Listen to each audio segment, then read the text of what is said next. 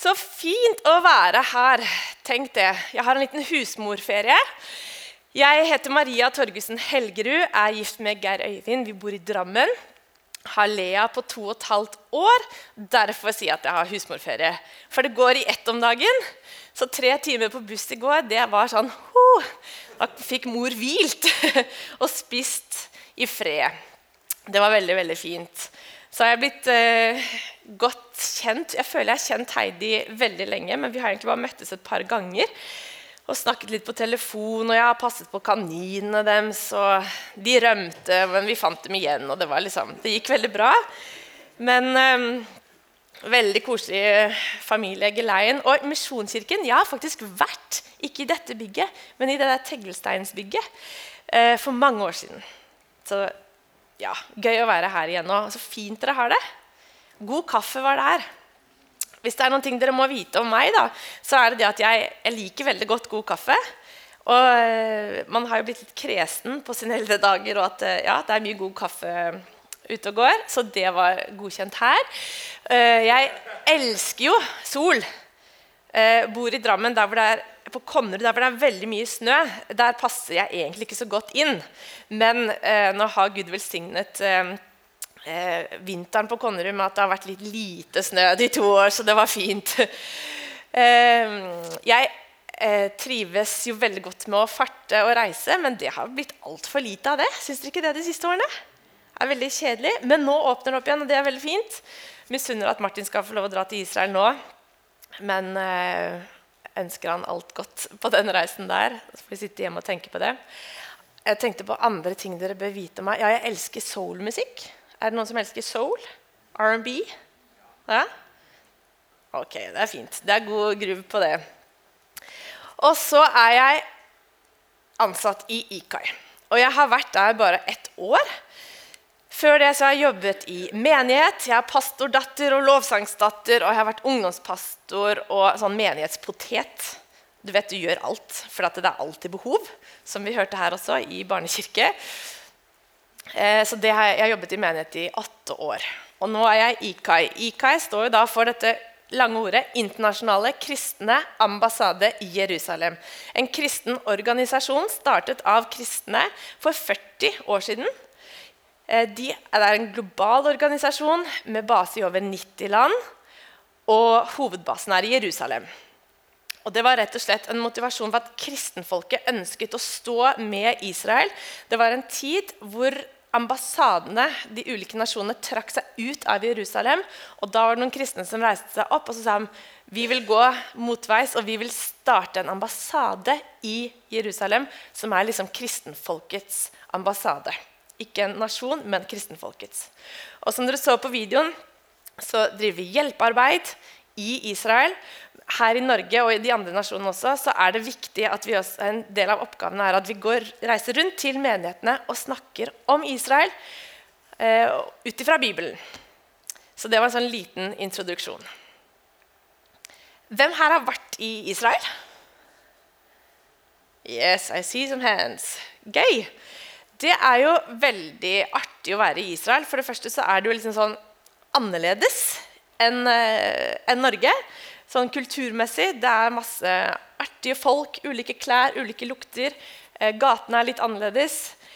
Eh, og så er det jo noe med det som Heidi så tydeligvis har blitt berørt av. At der har Jesus gått. I Jerusalem, f.eks. Der har Jesus vandret. Og jeg vet ikke, Når man hører juleevangeliet, f.eks., så hører du om at liksom, du hører om Nasaret og du hører om Betlehem, og så blir det litt sånn, ja, ja, sånne, nesten sånn eventyrbyer. Eller eventyrplasser. Men så flyr du til Tel Aviv og så skal du kjøre inn til Jerusalem. Så ser du på skiltet at Jerusalem er der, Betlehem er der, Nasaret er der. Så står det sånn veiskilt, og så er det jo helt reelt. Det er jo fysiske byer den dag i dag. Så alt kommer litt sånn tettere på deg. Jeg opplever at Bibelen, Guds ord, blir litt mer levende, og Jesus kommer jeg litt tettere på. rett og slett.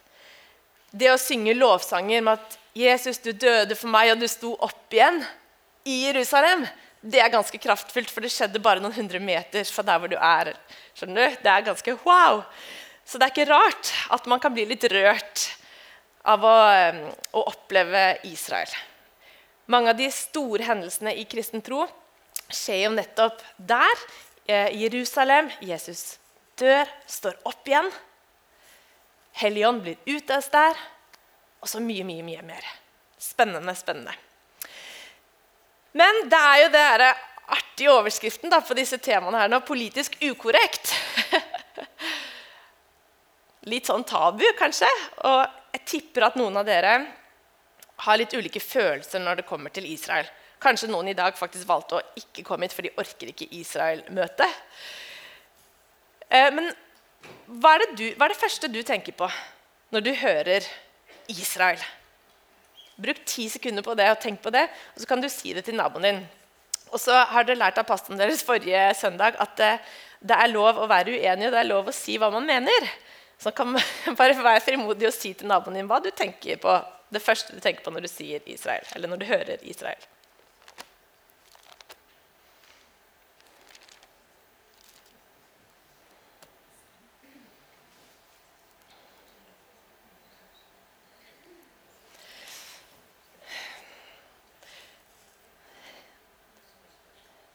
Jeg snakket med noen ungdommer for eh, en tid tilbake. Stilte det samme spørsmålet. Og da var det selvfølgelig noen som sa det første jeg tenker på, det er, eh, det er krig, konflikt, okkupasjon. Noen her kanskje tenker også på det, og i hvert fall kjenner noen som kanskje tenker det aller først. Og så var det én blant de ungdommene som sa jeg tenker på Jesus. Og da ble de andre sånn åh, ja, det var jo egentlig det riktige. Det var et godt svar. godt svar. Men dere, la oss bare være litt ærlige om at det, det kan skape litt eh, emosjoner.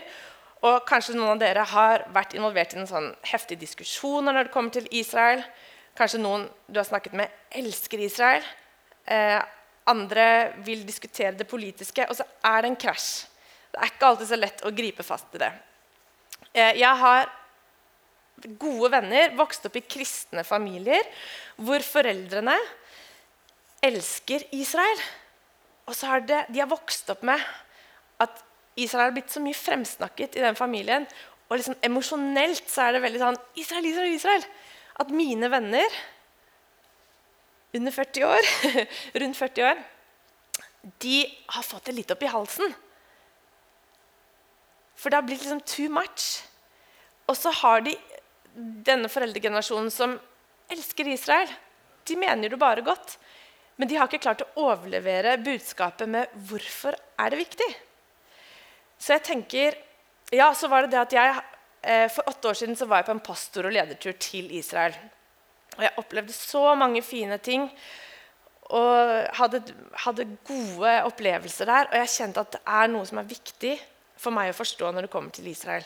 Så kom jeg hjem, snakket med en av mine beste venner.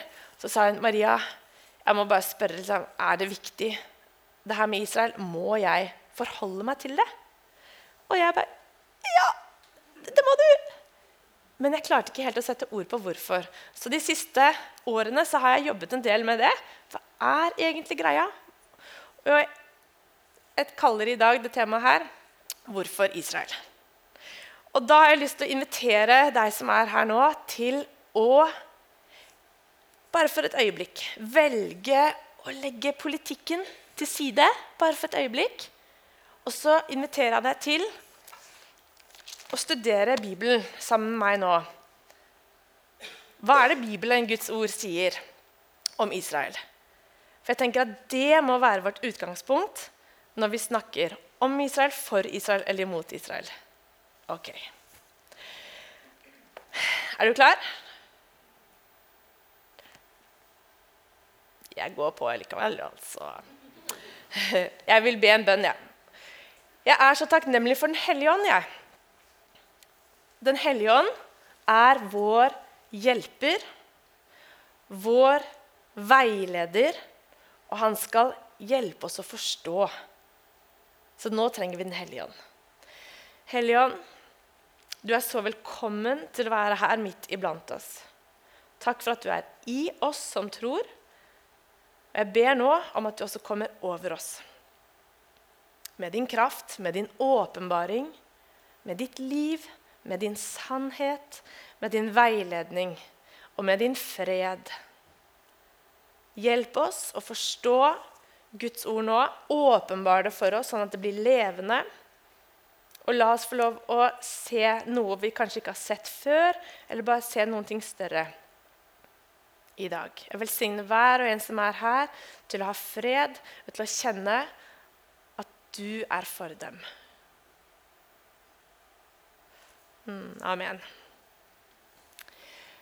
Når jeg skal snakke om Israel, så vil jeg begynne med begynnelsen.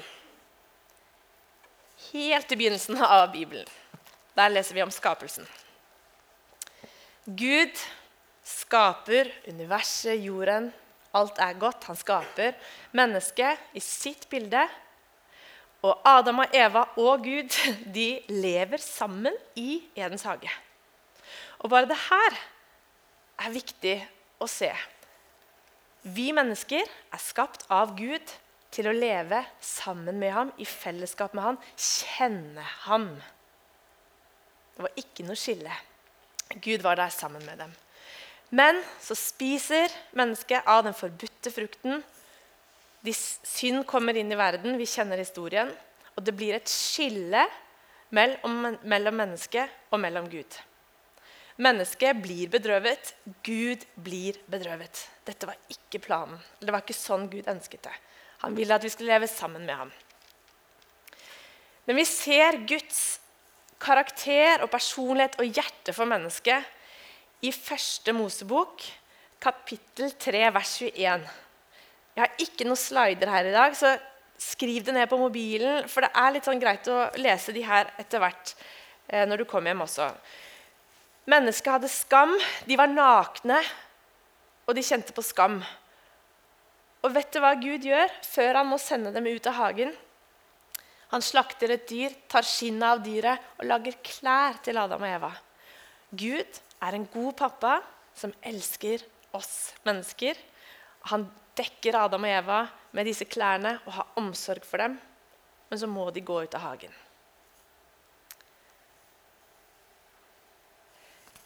Nå er det et skille mellom Gud og mellom menneskene. Og da har Gud en plan om at en dag så skal vi igjen leve sammen. Og Vi kan kalle denne planen for Guds frelsesplan. Kan du si det? Guds frelsesplan. får, altså Gud har uttenkt den fra evighet av. I 1. Mosebok 3,15 så får du et innblikk i den. Vet du hva som står i 1. Mosebok 3,15? Det står at 'jeg setter fiendskap mellom deg og kvinnen'.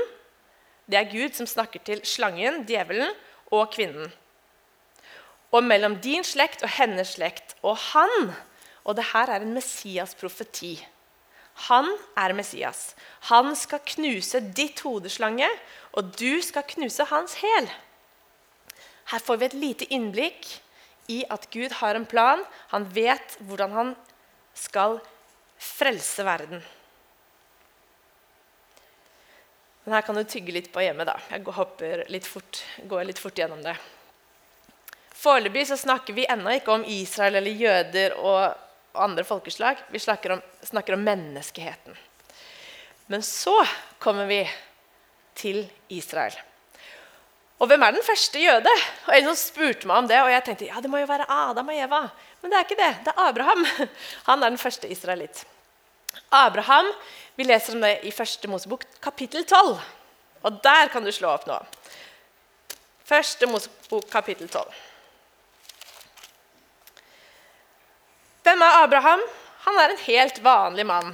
Det står at han kommer fra Ur i Kaldea, og det er eh, Sør-Irak, tror jeg det er. Um, han er en mann på 75 år. Uh, han har kona Sara. De heter jo Abram og Sarai. eller et eller annet sånt. Det var litt annerledes, og Gud gir dem nye navn etter hvert. Kaller dem bare Abraham og Sara. Gud ser Abraham og velger Abraham. Og så gir han Abraham noen fantastiske løfter, og de må vi lese nå. For dette er grunnpilaren til hvorfor Israel. Hvis vi skal forstå det som har med Israel å gjøre, så må vi lese det her. Første Mosebok, kapittel 12, vers 1. Herren hadde sagt til Abraham, eller Abraham, Dra ut fra ditt land og fra din slekt og fra din fars hus til det landet jeg skal vise deg. Jeg skal gjøre deg til et stort folk. Skal, jeg skal velsigne deg og gjøre ditt navn stort, og du skal bli en velsignelse. Jeg skal velsigne den som velsigner deg, og jeg skal forbanne den som forbanner deg. Og i deg skal alle slekter på jorden bli velsignet. Så dro Abraham av sted slik Herren hadde sagt ham, og Lot gikk med ham. Abraham var 75 år gammel da han dro ut fra Karan. Abraham hører Gud. Gud åpenbarer seg for Abraham som den ene og sanne Gud. På den tiden var det veldig vanlig at man sånn at man trodde på flere guder. Så det er litt nytt at Gud gjør seg til kjenne som den ene sanne Gud. Han gjør noe nytt, Gud. Abraham går ut av landet sitt og går dit hvor Gud vil han skal være. Det her som jeg leser nå, kan oppsummeres i tre løfter. Gud sier til Abraham og lover ham at han skal gjøre ham til et stort folk. Han skal gi ham et land og han skal bli til velsignelse for alle slekter. Et stort folk, et land og velsignelse til alle slekter. Og så går det noen år. Abraham vet at Gud har talt, men det er litt krevende. For han, han og Sara de kan ikke få barn. Sara er ufruktbar. Og når du skal liksom bli et stort folk, da skjønner du at det krever jo at han får barn. Og så kjenner du sikkert historien. De prøver å fikse litt opp i, egne, i denne planen her, og han får barn med trellkvinnen Hagar. Men Gud har talt. Gud har sagt noen ting. Og han kommer til å gjennomføre det. Og så er det et øyeblikk hvor Abraham syns det er krevende, det her. Hva, hva skjer, Gud? Og så tar Gud ham med utenfor teltet, og så sier han, 'Abraham, se opp på himmelen og tell stjernene om du kan.' Så stor skal din slekt bli. Og i det øyeblikket så skjer det noe helt vanvittig kraftfullt i Abrahams liv. Det er som en ånd av åpenbaring kommer over ham, og Abraham tror. En sånn overnaturlig tro kommer over Abraham. Og han blir rettferdig. Og Gud sier Eller Abraham bare forstår at det er Gud som skal få dette til å skje. Det er utenfor min kontroll. Og så forsegler Gud alle disse løftene med en pakt. Og den pakten er veldig viktig. Vi kaller den for Abrahamspakten, og du leser om den i 1. Mosebok kapittel 15. Det var vanlig å inngå pakter på den tiden. Da var det en pakt mellom to parter. Og så skulle de gå gjennom eh, noen offer av døde dyr. Denne pakten som Gud inngår med Abraham, den er litt annerledes enn de andre paktene som eh, var vanlige, fordi det er Gud alene som inngår en pakt med Abraham. Pakten er unilateral. Den er en enveispakt med Gud, hvor Gud sverger på sitt eget liv at det jeg har sagt nå, det jeg har lovet Abraham, det kommer til å skje. Og hvis jeg bryter pakten, da må jeg dø. Dette er Guds ord. Abraham sover, Gud inngår pakten. Og det er akkurat denne pakten her, Abrahamspakten, som jeg baserer min støtte til Israel på. Kristen støtte til Israel har sin rot i denne pakten. For dersom Gud den gang da, eller nå i dag, eller imellom den tiden, bryter pakten med Abraham og hele hans slekt, da er ikke Gud trofast. Har du tenkt på det? da, har, da, er, da, er, det karaktersvikt, karakterbrudd, i Guds natur, Guds natur.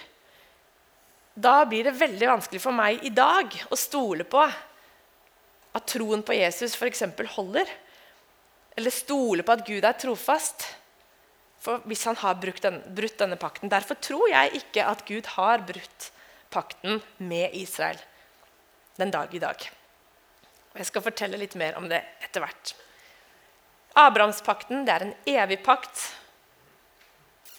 En evig pakt. Veldig kort oppsummert det som skjer etter der. Og der vil jeg jo egentlig faktisk anbefale at du, hvis du er interessert i denne Guds frelsesplan, litt mer detaljert, så kan du høre på podkasten til meg og Martin. Forstå Israel. For i hele sesong to så har vi gått gjennom eh, kronologisk Guds frelsesplan. Men det som skjer, er jo at Abraham og Sara får en mirakelgutt. Gud åpner hennes mors liv, og de får Isak. Og løftene går til hans slekt. Isak får sønnen Jakob. Løftene blir gitt videre til Jakob. Jakob får tolv sønner. Josef er en av de sønnene. Hvis du har gått på søndagsskolen, så har dere hørt om Josef, prinsen av Egypt. Og så plutselig så er Jakob med alle sønnene i Egypt. Og så kjenner kanskje noen historien om at dette folket blir slaver i Egypt, og de er der. De er slaver i 400 år.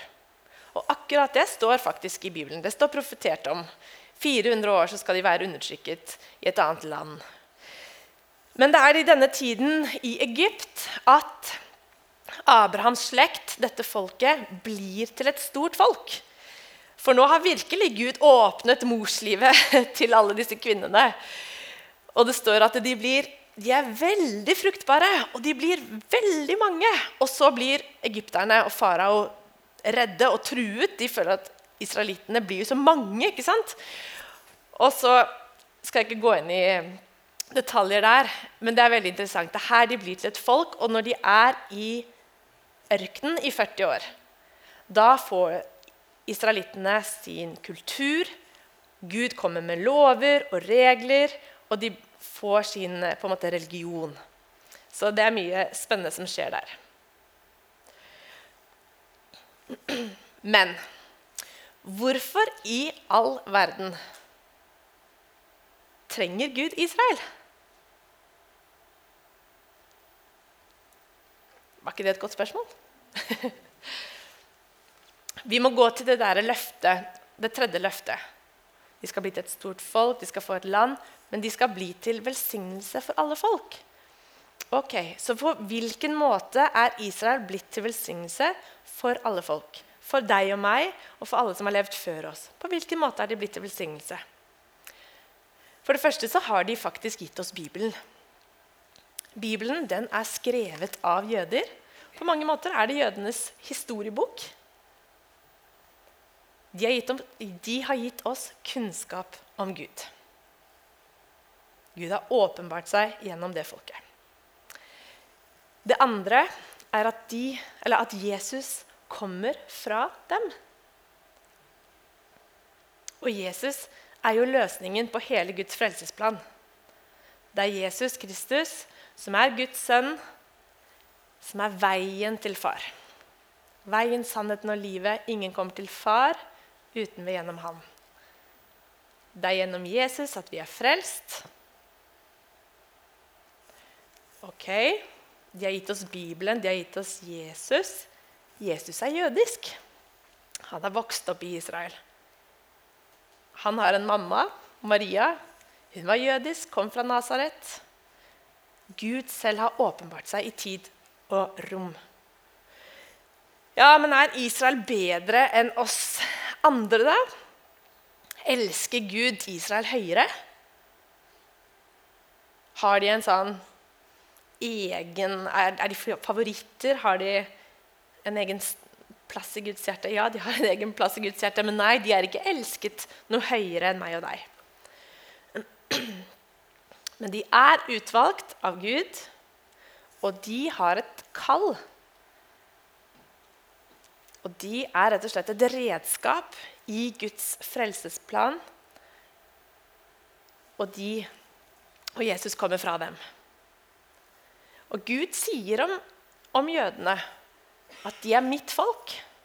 Og han sier om Israel at det er mitt land.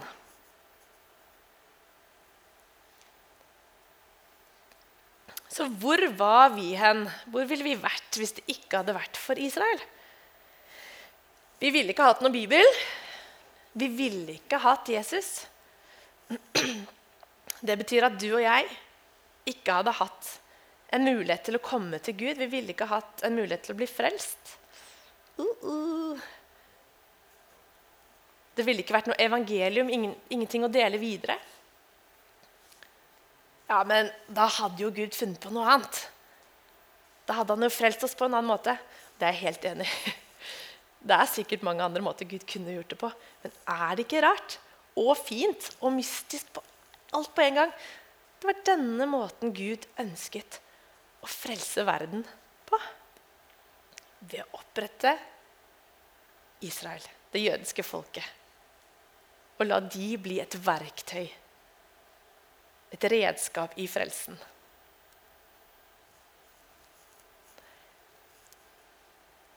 Det er litt krevende å forstå oppi netta. Jeg må innrømme det. Men kanskje vi bare må forholde oss til det, rett og slett. At det er den måten Gud har valgt å frelse på. Ja, men hva skjer da med Israel etter Jesus har kommet? etter Jesus har steget opp til far igjen. Naboen min han er en belest mann, studert teologi og greier. Han sa, 'Men feider ikke bare Israel ut?' I historien, på en måte. Ja, det er et veldig bra spørsmål, syns jeg. Men de feider ikke bare ut, fordi det er så mange Hele Gammeltestamentet her er bare sånn gjennomsyret av løfter til Israel. Det er så mange profetiske ord om deres tid etter Jesu tid. Allerede i det første århundret så er det noen som Eller så kommer det, Så oppstår det en anklage mot jødene. Og det er kristne som sier og beskylder dem og anklager dem for å ha drept Kristus. Drept Jesus. Eh, de blir forfulgt i år 70 og i år 135 etter Kristus. Så er de så forfulgt, jødene, at de blir drevet ut og kastet ut av landet sitt. Og Vi kaller de periodene der for diaspora. Mange jøder blir kastet ut av landet sitt, Israel, og de blir spredt til folke, mange folkeslag. De blir spredt til mange land, nasjoner. Og det er ikke før de får landet sitt tilbake i 1948, de, og bare noen årtier før der, at de begynner å komme tilbake igjen til landet sitt. Og det som slår meg så veldig hardt på en god måte, det er rett og slett hvor tydelig Guds ord er på at akkurat dette skal skje. Og da vil jeg lese f.eks. Esekiel 36.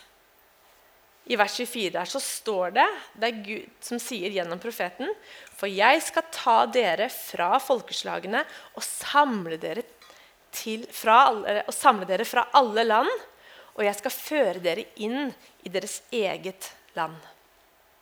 Det er mange skriftsteder som går på akkurat det her at de skal bli spredt. Og det er jo både fordi at folk hater dem.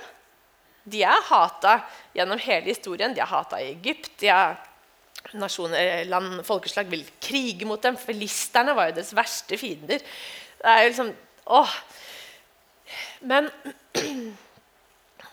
men Gud har sin hånd over dem hele tiden.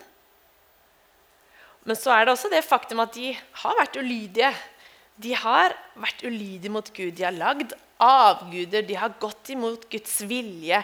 De, har, de er kalt til å være et hellig folk, men de levde ikke alltid som et hellig folk, og de lever ikke som et hellig folk i dag. Men Guds hånd er over dem. Fordi Gud har lovet at han skal holde sine løfter og sin pakt over dem. Så i dag så lever du og jeg i litt sånn spennende tider, for vi ser at Guds ord går i oppfyllelse. Men kristne har gjort kjipe ting mot det jødiske folket gjennom århundrer. Allerede som jeg sa, denne, eh, allerede ved første århundre så kom denne tanken om at men de har jo drept og myrdet Kristus. Og så blir de forfulgt og plaget for det. Og så begynte kristne, når evangeliet spredde seg, kristne i Europa, de begynte å tro at de var bedre enn jødene. Så på kirkemøtet i Nikea i 325 der var liksom kirkelederne de var så framme og de var så oppesen. Og de så så ned på jødene at de lagde en hel haug av eh, bud, lover, regler som sa at Guds favør hviler nå over menigheten. Gud er ferdig med Israel. De har ikke gjort sin del av avtalen. Gud glemmer dem. Nå er det menigheten som er Guds elskede. Faktisk så var det noen som sa at synagogen er et bordell og tyvens rede og et skammens hvilested. I år 600 i Spania da ble jødene tvangsdøpt. Og jødiske barn ble når de var rundt syv år gamle, så ble de tatt fra familiene sine, satt i kristne hjem, sånn at de skulle få kristen oppdragelse. De ville på en måte avgjøde alt som var. Og så kunne jeg bare ramset opp mange fæle ting som har skjedd med dem. Men Paulus han lærer oss en del om hva Guds hjerte for Israel er. Guds hjerte for det jødiske folket er. Og Når du kommer hjem, så kan du jo lese Romerbrevet 9, 10 og 11 og se litt og be Den hellige ånd åpenbare. For her forklarer Paulus en god del. For tanken om at Gud på en måte var ferdig med jødene, den kom ganske tidlig fordi det var ikke alle jødene som gjenkjente at Jesus var Messias. Dette er veldig, veldig viktig. Fascinerende, egentlig. Nå hopper jeg litt, men jødene, før Jesus ble født, så ventet jødene på frelseren. De ventet på Messias. Profeten hadde talt om at det skal komme en frelser, og han skal bringe fred. Og han skal ta vekk fiendene deres. De var omringet av fiender. Og de ventet, og det var en stor Messias-forventning blant jødene. Og Hvis vi går til juleevangeliet, så kommer jo engelen Gabriel til Maria. Og så sier hun at du skal, bli, du skal få et barn. ikke sant? Bare legg merke til at Maria spør ikke Eller hun spør bare om hvordan skal det her skje. Hun spør ikke hva er det hun mener. Det komme en frelser? Jeg skjønner ingenting. Nei, for hun skjønte det. Hun visste det, at det skulle komme en frelser til Israel. For det hadde profetene talt om. Og så er det mange når Jesus kommer, som gjenkjenner Jesus som Messias. Og de får ta del i alt han forkynner. De får ta del i Guds rike. De får livene snudd opp ned, de blir helbredet, de blir lekt. Wow! Men så er det jo en hel del òg som blir så støtt, som blir så fornærma på Jesus. Han gjør jo ting som han ikke skal på sabbaten, og han sier at han er Guds sønn. Og de blir så provoserte. Da kan du snakke om politisk ukorrekt. Og så er det faktisk en hel del av det jødiske folket som ikke tar imot Messias. Og en del av dem vil ha han drept. Dette er faktisk en liten vekker til oss i dag også. Gud kan komme på måter som vi ikke forstår med hodene våre. Og så kan det være litt vanskelig å gjenkjenne. Er dette Gud? Og da er det så fint å åpne seg litt for Gud. Jeg forstår ikke alt det her, men hvis det er deg, så vil jeg ha det. Det er ikke alltid vi forstår det Gud gjør. En sier hvis jeg forstår alt det Gud er og gjør, da har jeg redusert ham til min størrelse. For Gud er veldig stor. Og han har valgt Israel til å være et redskap i hans store frelsesplan. Og han er ikke ferdig med dem. Det sier apostelen Paulus i kapittel 11 i Romerbrevet 11. Har Gud forkastet sitt folk? På ingen måte.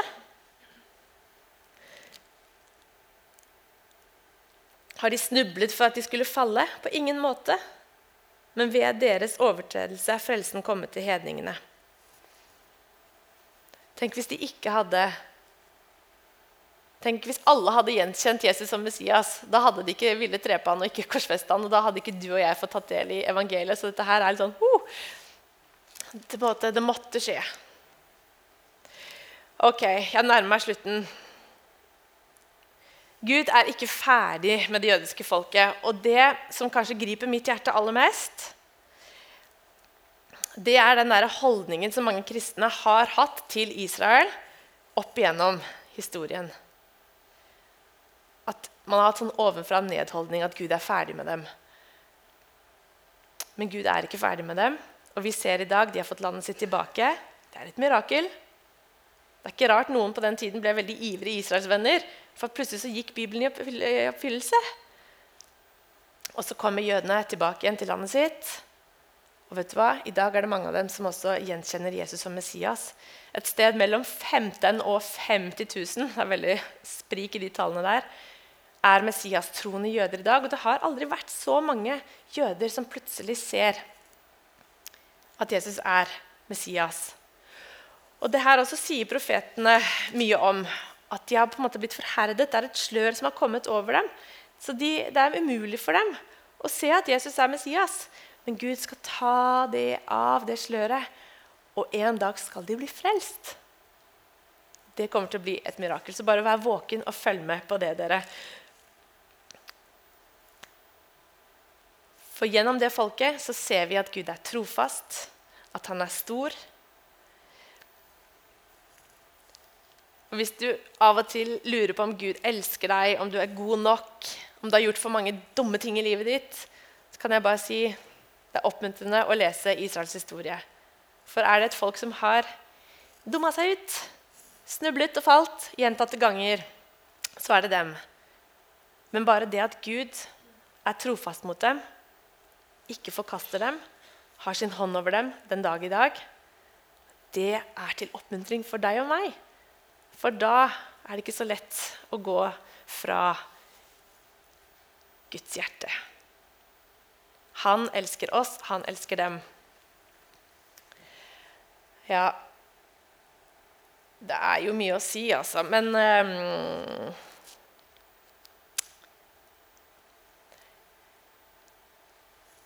Helt mot slutten En veldig sterk ting som IKAI, Internasjonal kristen ambassade i Jerusalem, har vært med på, det er å pleie relasjonen mellom jøder og kristne. Jeg hørte en jødisk eh, jente hun sa det at på skolen, når de hadde mattetime, så måtte de ha et annet plusstegn. Og så så hun på liksom våre mattestykker og sa hvorfor er vårt plusstegn annerledes enn dem sitt. Og greia er at plusstegnet minner dem for mye om korset. Og kristne har gjort så mange grusomme ting mot jødene i Guds navn at de har tatt avstand. Kristne har jo forfulgt dem. Kristne har gjort så mange elendige ting mot dem at de har bare holdt seg unna. ikke sant? Men i løpet av de 40 årene som IKAI har eksistert, så har man sakte, men sikkert strukket ut en hånd, hjulpet dem, trøstet dem, ikke prøvd å frelse dem på noe som helst måte. Bare heie på dem, fremsnakke dem. Og så begynner det jødiske folket å åpne seg for kristenfolket. Og bare i fjor høst så hadde IKA en stor konferanse. Og da var det så sterkt å se presidenten, eh, forsvarsministeren, turistministeren eh, og statsministeren de takker kristne for deres kjærlighet. Så det er noe flott som Gud gjør om dagen. Og når du er på jobb, og så hører du noen si Israel okkuperer, det er apartheid i Israel, de er grusomme. Bare prøv, selv om du ikke er noen politisk ekspert. Prøv å fremsnakke Israel. Si en god ting om Israel. De kommer til å få sjokk. Jeg har gjort det mange ganger. Det er sånn Hæ? For det er akkurat som en melodi de aldri har hørt før. For veldig ofte så er det negativ omtale om Israel. Og de er ikke perfekte. Det er ikke sånn at alt Israel gjør i dag, er fantastisk. Men det er det ikke i Norge heller. De er ikke et hellig folk som de er kalt og skapt til å være. Men hvilken nasjon er det om dagen? Vi trenger Gud alle sammen. Israel trenger Jesus for å bli frelst, og de kommer til å bli frelst. Så jeg tenker vår oppgave som kristne det er rett og slett å få litt sånn kunnskap og informasjon, holde oss oppdatert på det som har med Israel å gjøre. Dagens situasjon, Bibelen. Først av alt så må vi stå fast på Bibelen. Eh, vi kan velsigne dem, be for landets ledere om at de skal ha visdom. Vi kan be om at de skal åpne hjertene sine for Jesus. Eh, vi kan være med å støtte og heie på f.eks. IKA eller mange av de andre flotte organisasjonene som gjør et godt arbeid i Israel. Eh, Podkasten vår den har en Instagram-konto, Forstå Israel. Følg oss gjerne der, så deler vi litt mer eh, informasjon der. Ok. Jeg ber en liten bønn. Gode Far i himmelen. Nå har det vært mye prat fra min side, men jeg ber om at det som er av deg, det skal falle i god jord, og at det skal bli til liv og åpenbaring i våre liv som sitter her nå. Jeg velsigner ditt folk Israel, og jeg ber om at du også bare hjelper oss, Far i himmelen, til å se Israels rolle, utvelgelse, og se dem, av, se dem gjennom dine øyne den dag i dag, og hjelp oss å forholde oss til Israel på den måten som du ønsker. Hjelp oss å ikke rose oss over dem og bli harde i hjertene og tro at vi er bedre enn dem på noen måte, eller snakke, mye, snakke ned ditt folk. Hjelp oss å forstå mer, Far i himmelen. Så ber jeg også om at sannhet om dagens situasjon og sannhet om ditt folk skal komme ut i våre kanaler. Og hjelp oss å avsløre løgn der hvor det er løgn, og se sannhet der hvor det er sannhet, Far i himmelen. Så velsigner jeg denne menigheten her til å være talerør for ditt ord, din sannhet. Hjelp oss å stå opp for de tingene som du har på hjertet, koste hva det koste vil, Gud. Hjelp oss å være venner Hjelp oss å ha fred med hverandre, hjelp oss å ha dialog med hverandre, hjelp oss å snakke godt om hverandre og til hverandre. Jeg velsigner denne menigheten til å ha fred og til å ha Guds nærvær og favør over seg. Amen.